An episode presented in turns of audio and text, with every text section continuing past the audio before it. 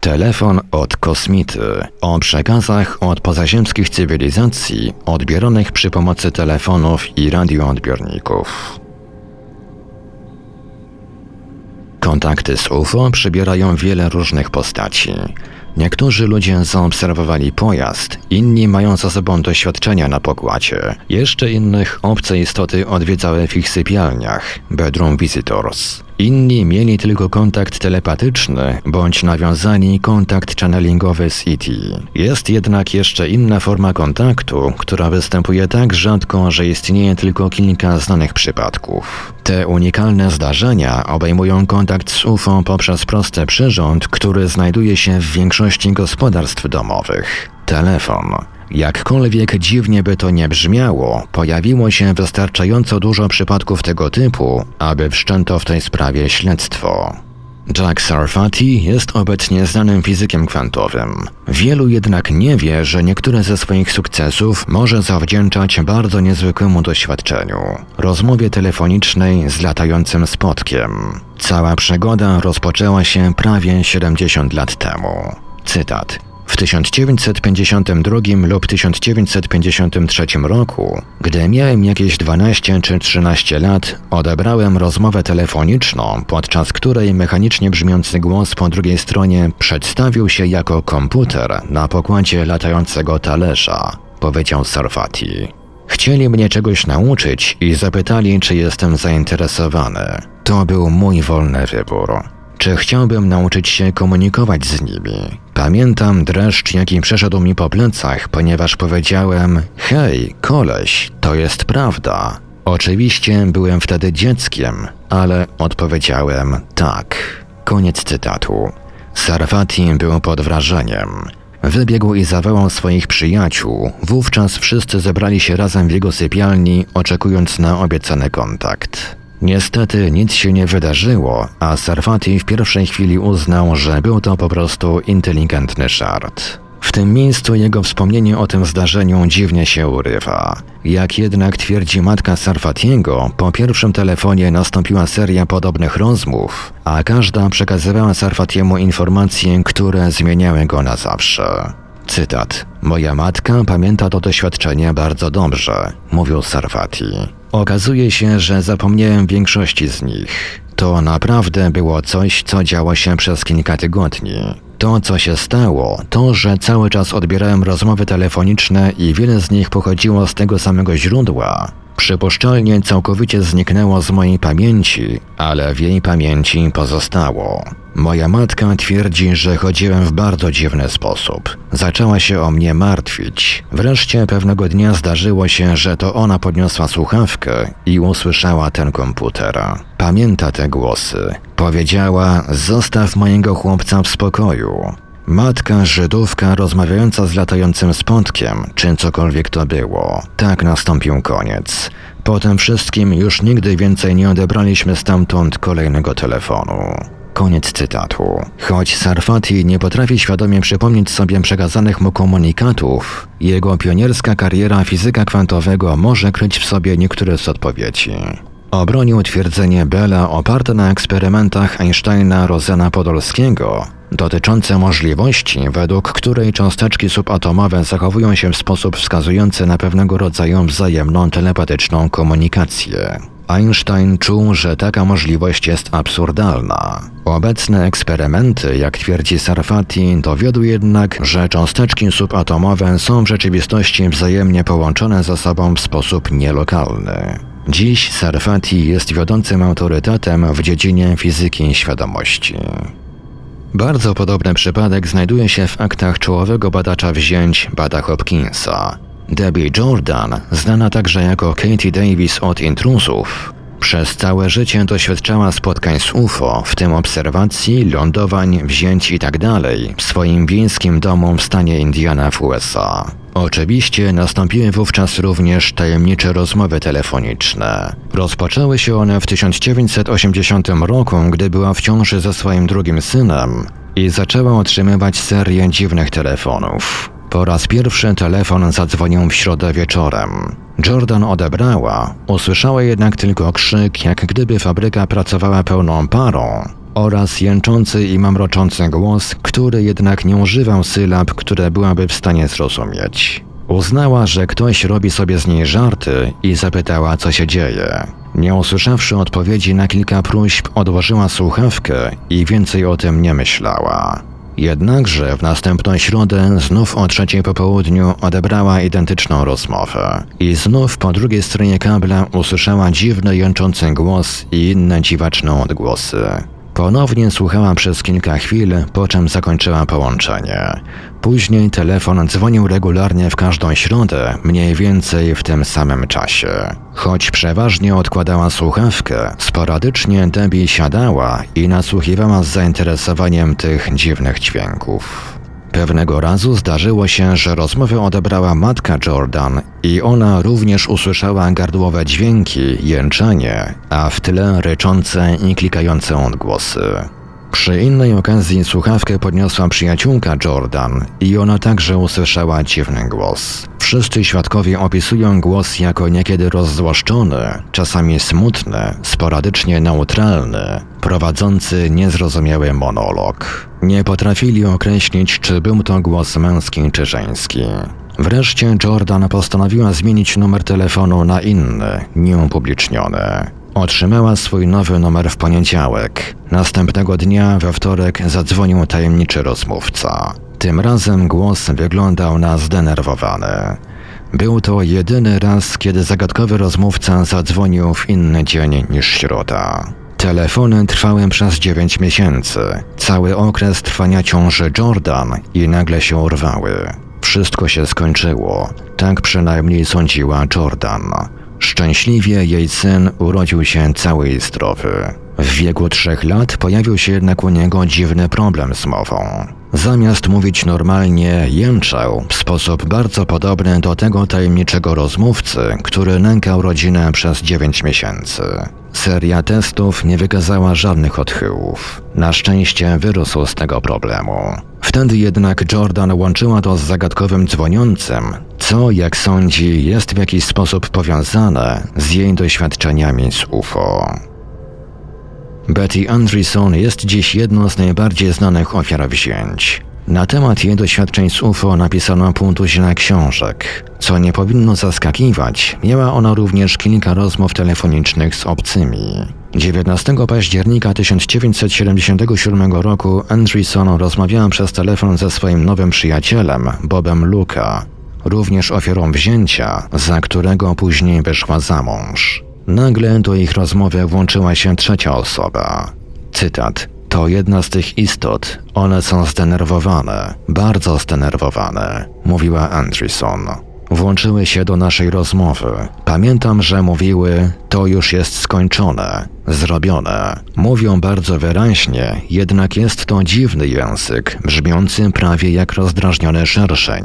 Poprosiłam, aby mówili głośniej, tak aby Bob mógł ich lepiej słyszeć. Usłyszałam dwa kliknięcia i mówili głośniej. Znowu usłyszałem klik, klik, a oni wciąż mówili i usłyszałam tony przypominające jakiegoś rodzaju tony muzyczne w telefonie. Koniec cytatu. Andreson opisuje rozmowę telefoniczną w znajomy sposób. Cytat. To był inny język. Było dużo L i T i dużo boczących dźwięków. Był szybki jak nagranie odtworzone z dużą szybkością, jednak nawet pomimo tej szybkości słowa były bardzo wyraźne. To był ktoś bardzo podekscytowany i spieszący się. Słyszałem pewnego rodzaju odgłosy, jak gdyby ustawiono jakieś ciężkie urządzenie. Uderzenia i odgłosy, jakby ustawieni przedmioty w jakiejś kolejności. Nagle to się zatrzymało, a ten ktoś znów zaczął mówić. Było bardzo zdenerwowane, zupełnie jak owad. To brzmiało jak rozdrażniony szerszeń lub mrówka dłubiąca w czymś. Te słowa po prostu leciały i powtarzały się raz po raz. Koniec cytatu. Bob Luka nie był w stanie odróżnić żadnych słów. Po kilku chwilach Andreson się zdenerwowała, więc oboje odłożyli słuchawki i zadzwonili do współpracujących z nimi badaczy, aby zrelacjonować im ten dziwny incydent. Później tego samego wieczoru Betty Andreson odwiedziły obce istoty w jej pokoju i ostrzegły ją o nadchodzącej tragedii w jej rodzinie. Dwa dni później jej dwoje dzieci zginęło w wypadku samochodowym. Nie był to bynajmniej jedyny raz, gdy E.T. użyły telefonu, aby skontaktować się z Betty Anderson. W 1973 roku w środku nocy doświadczyła odwiedzin w swoim domu w Massachusetts. Wciąż dochodziła do siebie po spotkaniu, gdy zadzwonił telefon. Na linii odezwał się dziwny, wysoki kobiecy głos, proszący o podanie męża do telefonu. Ktokolwiek to był, natychmiast odłożył telefon. Rozmowa przypuszczalnie działała jak pewnego rodzaju urządzenie hipnotyzujące, gdyż w wyniku tego Andreeson całkowicie zapomniała o spotkaniu, które właśnie miało miejsce i wróciła do łóżka. Jednym z najsłynniejszych i najbardziej kontrowersyjnych przypadków spotkań z UFO jest sprawa szwajcarskiego rolnika Edwarda Billy Mayera. Podczas badania tego przypadku Britt i Lee Anders oraz Wendell Stevens doświadczyli własnego spotkania z E.T. przez telefon. Działo się to na początku lat 80., w czasie gdy zainteresowanie sprawą Mayera było duże. Ponieważ Stevens i Elders byli w tym czasie wiodącymi badaczami, znaleźli się w samym centrum uwagi różnych służb wywiadowczych na całym świecie. Pewnego razu troje badaczy zostało uprzejmie zaproszonych na spotkanie w hotelu Grosvenor w Londynie w celu omówienia tej sprawy ze starszym oficerem wywiadu w jednej z amerykańskich służb. Pojechali na miejsce i spotkali się z tym człowiekiem, aby omówić ten przypadek. Zauważyli, że biuro było bardzo ładnie umeblowane i że znajdowały się w nim dwa biurowo wyglądające telefony, białe i czerwone. Zanim jednak doszło do wymiany jakichkolwiek informacji, stało się coś dziwnego. Tak opisuje to zdarzenie Wendell Stevens. Cytat. Gdy tylko usiedliśmy i zanim zaczęła się konwersacja, biały telefon wydał z siebie dziesięć krótkich dźwięków. Byłem wstrząśnięty i szybko spojrzałem na Lee i Britt, którzy również byli zaskoczeni. Nasz rozmówca podniósł słuchawkę i próbował uzyskać odpowiedź, prawdopodobnie jednak nikogo nie było na linii. Pamiętam, że zapytałem tego człowieka, czy jego telefon kiedykolwiek dzwonił w taki sposób. Powiedział, że to było dziwne, ponieważ wciąż próbował uzyskać odpowiedź na drugim końcu linii. Teraz już jednak z całą pewnością była ona martwa. Zasugerowałem, że ktoś może sobie robić żarty, a on odpowiedział, że dowie się tego i zadzwonił do operatora, pytając, co stało się z nadchodzącą rozmową. Koniec cytatu. Mężczyzna przekazał operatorowi, że został odcięty. Operator odpowiedział jednak, że do tego telefonu nie skierowano żadnego połączenia, a gdyby tak było, tablica przełączników świeciłaby się. Mężczyzna odłożył słuchawkę. A tak Stevens opisuje, co działo się później. Cytat. Mężczyzna odkaszlnął i odwrócił się do nas, by rozpocząć rozmowę jeszcze raz. Wtedy czerwony telefon wydał dziesięć krótkich dźwięków. Mężczyzna chwycił słuchawkę i szybko odpowiedział, aby tym razem złapać rozmówcę. Znów bez odpowiedzi. Tym razem nie było pomyłki, jeśli chodzi o dzwonienie. Nasz rozmówca powiedział: Nie mogę w to uwierzyć. Tym razem dojdę do sedna sprawy. To jest bezpośrednia linia prosto do centrali telefonicznej. Omija ona tablicę przełączników i nie idzie przez innych operatorów. Jest to zabezpieczona linia i tylko specjalnie uprawnione do tego osoby mogą z niej korzystać. Koniec cytatu. Mężczyzna znów skontaktował się z operatorem i dowiedział się, że na tę linię nie skierowano żadnych połączeń. Według Stevensa był z całą pewnością zakłopotany i powiedział tylko: To jest bardzo dziwne. Dla Stevensa jednak ten przekaz był jasny. Jak pisze, cytat, ta sytuacja była tylko jedną z ponad tuzina podobnych sytuacji różnego rodzaju, co jasno pokazało nam, że plejadanie byli świadomi wszystkiego, co robimy, jak również tego, co robili inni, a co może w jakikolwiek sposób odnosić się do nich. Oni sami wiedzieli, kim są wszyscy gracze. Koniec cytatu. Przez całe lata 80. rodzina Robinsonów z Reseda w amerykańskim stanie Kalifornia doświadczyła serii obserwacji UFO podczas kampingu w górach San Bernardino. Wraz z obserwacjami rozpoczęło się jednak coś, co rozwinęło się w dużo bardziej rozległe doświadczenie. W grudniu 1987 roku ich najmłodszą córkę, 24-letnią Kelly, w jej pokoju odwiedziły szare obce istoty, które zabrały ją na pokład UFO. Potem nastąpiły kolejne doświadczenia, które wkrótce zaczęły rozprzestrzeniać się na pozostałych członków rodziny. Kulminacja nastąpiła w momencie, gdy pojawiło się coś, co badacze nazywają prezentacją dziecka, po angielsku baby presentation, podczas której matka została rzekomo zabrana na pokład pojazdu, gdzie polecono jej tulić i karmić ludzko-obce hybrydy. Podobnie jak w przypadku innych wziętych, rodzina doświadczyła aktywności przypominającej poltergeista. Następnie pojawiły się problemy z telefonem w pokoju Kelly. Kelly twierdziła, że telefon w jej pokoju emituje głośne dzwoniące dźwięki o trzeciej nad ranem prawie każdej nocy. Odgłos przypominał podnoszenie i odkładanie słuchawki. Pewnego razu, gdy telefon zadzwonił, Kelly szybko podniosła słuchawkę. Linia była martwa. Najdziwniejszy incydent wydarzył się tuż przed jednym z jej bliskich spotkań. Obudziła się słysząc dzwoniący telefon. Wtedy odkryła, że telefon był opakowany w papier i znajdował się w szufladzie. Nie było go tam, gdy kładła się do łóżka. Wtedy miały miejsce trzecie odwiedziny pozaziemskich istot w jej pokoju. Kelly nie wie, co myśleć o tych dziwnych zdarzeniach z telefonem. To tylko jedno z wielu dziwnych zdarzeń, jakie miały miejsce w latach 1986-1987. Przyznaje, że zastanawiała się, czy te telefony pochodziły od UFO, a może nawet od duchów. Ta myśl jednak przeraziła ją, więc przestała się nad tym rozwodzić. Obecnie jej bliskie spotkania dobiegły już końca. Skoro ET potrafią z łatwością dostać się na linie telefoniczne, powinny być również przypadki, gdy do komunikacji używali innych urządzeń, takich jak odbiorniki radiowe czy zestawy stereo. Z pewnością technologia umożliwiająca takie rzeczy musi być dostępna dla domniemanych istot pozaziemskich. I rzeczywiście okazuje się, że kilka takich przypadków naprawdę miało miejsce.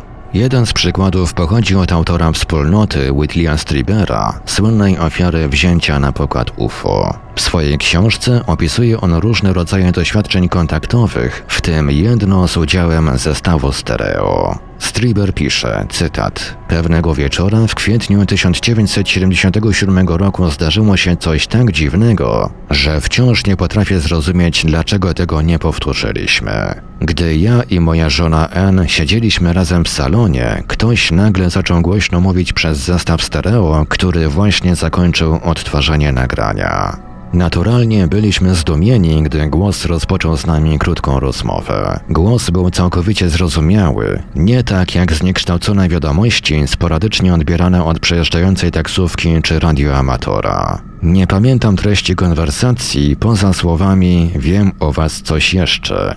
To był koniec. Byłem tym zaskoczony. Koniec cytatu. Zdumieni państwo striberowie spojrzeli na siebie. Czyżby właśnie odebrali przekaz w stereo od istot pozaziemskich? Co jeszcze bardziej tajemnicze, czyżby odbyli właśnie interaktywną rozmowę? Whitley zrobił co mógł, aby to spadać. Jak pisze cytat, nie zignorowaliśmy całkowicie tego incydentu. Zadzwoniłem do Federalnej Komisji Handlu. Człowiek, z którym rozmawiałem, wyjaśnił mi to, o czym już od dawna wiedziałem że sprzęt krótkofalarski oraz urządzenia używane przez taksówkarzy i policję mogą czasami zakłócać działanie urządzeń stereofonicznych. Taka konwersacja według niego była jednak niemożliwa. Nasz zestaw nie miał ani mikrofonu, ani magnetofonu. To było KLH, dobry i stosunkowo niedrogi model, dostępny w połowie lat 70. Wtedy miałem go już jakieś 4 czy 5 lat. Koniec cytatu. Kilka tygodni później Striberowie przeprowadzili się. W ciągu następnego roku mieli jednak więcej problemów związanych z IT i telefonem. Striber pisze, cytat, W czerwcu 1978 roku w środku nocy stało się coś okropnego. Myślałem o tym jako o rozmowie telefonicznej, po której nastąpiła seria groźnych wizyt oraz jako o serii niebezpiecznych rozmów telefonicznych. Wiem, że zadzwoniłem na policję, a oni przyszli i sprawdzili dach, nie znajdując niczego. Pamiętam tylko, że wyjrzałem przez okno w naszej sypialni na ogród dachu i wiedziałem, że ktoś tam stoi.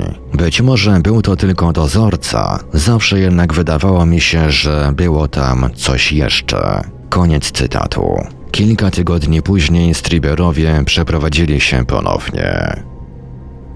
W niektórych przypadkach ET przekazują przyjazne komunikaty, w innych ostrzegają. Spośród tych ostatnich jeden pochodzi od badacza Haronda T. Wilkinsa, który podaje, że w styczniu 1954 roku wiele osób w całych Stanach Zjednoczonych, jak i na całym świecie otrzymało dziwny przekaz za pośrednictwem swoich odbiorników radiowych. Wilkins pisze, cytat, w samochodzie zaparkowanym w miasteczku na środkowym zachodzie wyłączony odbiornik radiowy nagle się włączył i odtworzył głos, który mówił Chciałbym, aby nikt się nie bał, mimo iż przemawiam z kosmosu. Jeśli jednak nie zaprzestaniecie przygotowań do wojny, zostaniecie zniszczeni.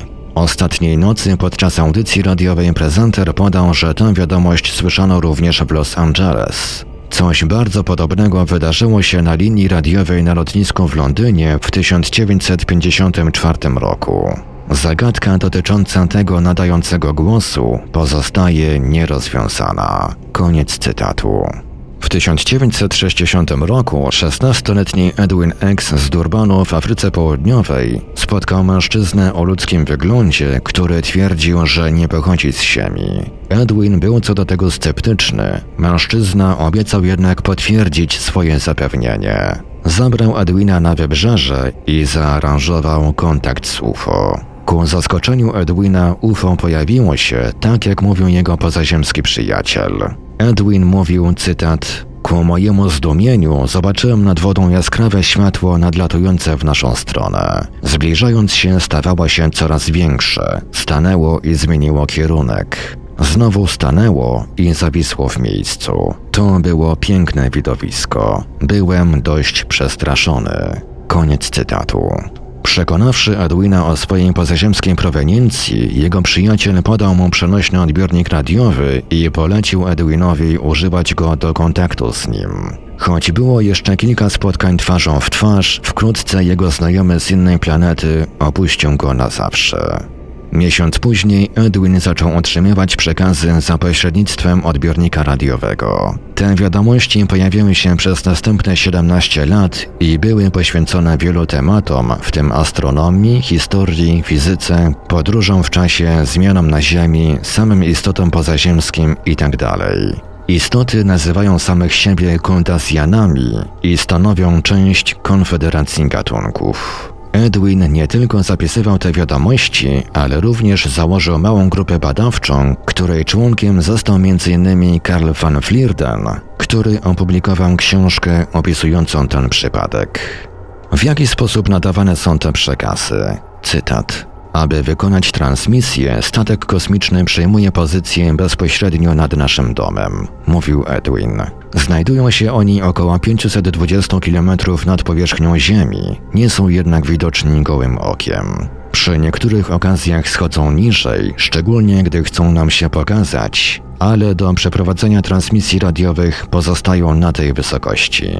Aby się komunikować, wysyłają w dół wąską wiązkę sygnału podobną do wiązki światła, ale oczywiście niewidoczną. Myślę, że w taki sposób zasilają odbiornik, wysyłając wiązkę, jakiej potrzebują tranzystory, i ta wiązka zawiera przekaz. Nie trzeba dostrajać odbiornika do jakiejś konkretnej częstotliwości.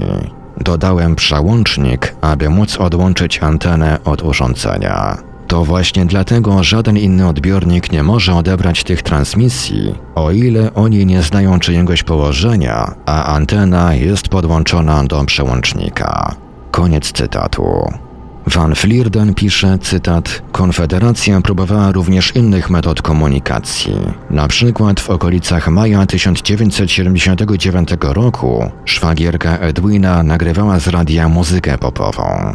Odtwarzając ją, odkryła zawartą w nagraniu tajemniczą wiadomość. Głos wyraźnie wypowiedział te słowa. Przybywamy w pokoju. Potrafimy robić takie rzeczy na magnetofonach.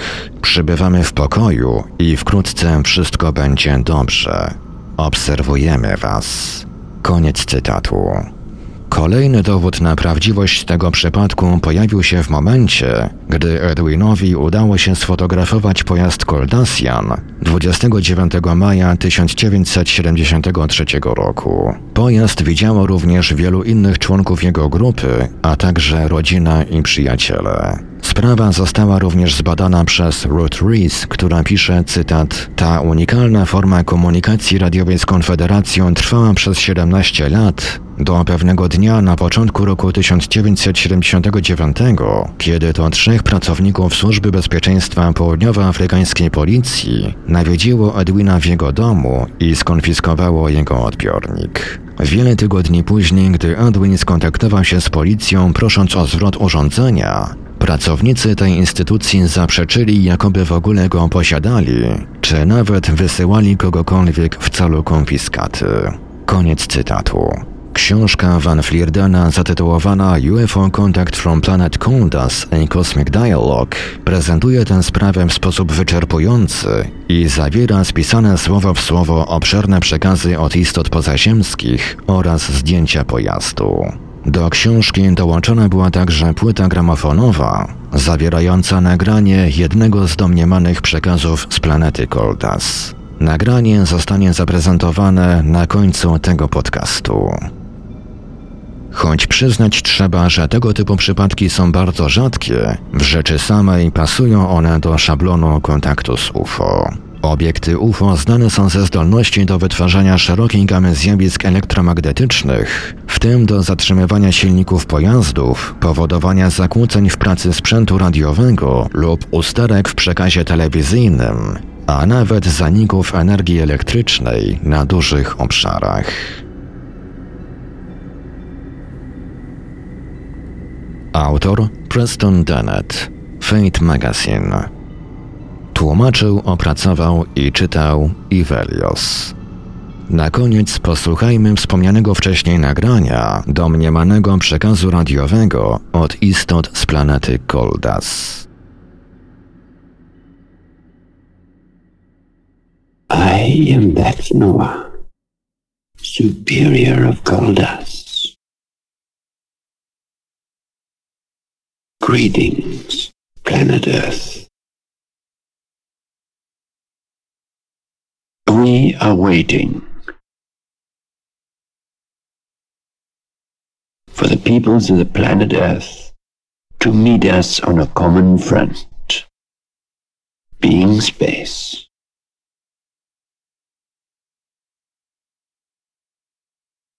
Here we will share all our secrets.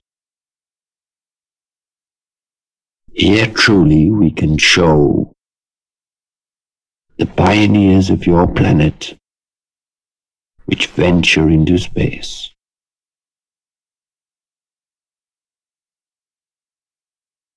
A truly magnificent way of life. It is a way of life which has been judged and practiced throughout many eons through the confederation of 12 planets. Not only do we have this to share with these pioneers of yours, but there is a wealth of information which will uplift your planet to a much higher level not only understanding, but technologically. It will raise your planet. There will be so many more possibilities. This is our gift. And all we ask is for understanding. we will remain where we are. We will not intervene. We will not criticize. We will not set foot upon your planet. It is for the taking, it is ours as a gift. All that we have gained over the many icons will be yours, free, which can be brought back to your planet and practiced and put, be put into practice to make your planet a better planet under your own ruling, governed by your own superiors in governments. We would be only overjoyed and happy to see this come to pass. We do not wish to intervene in any way whatsoever, except holding out the hand of friendship as I am doing now.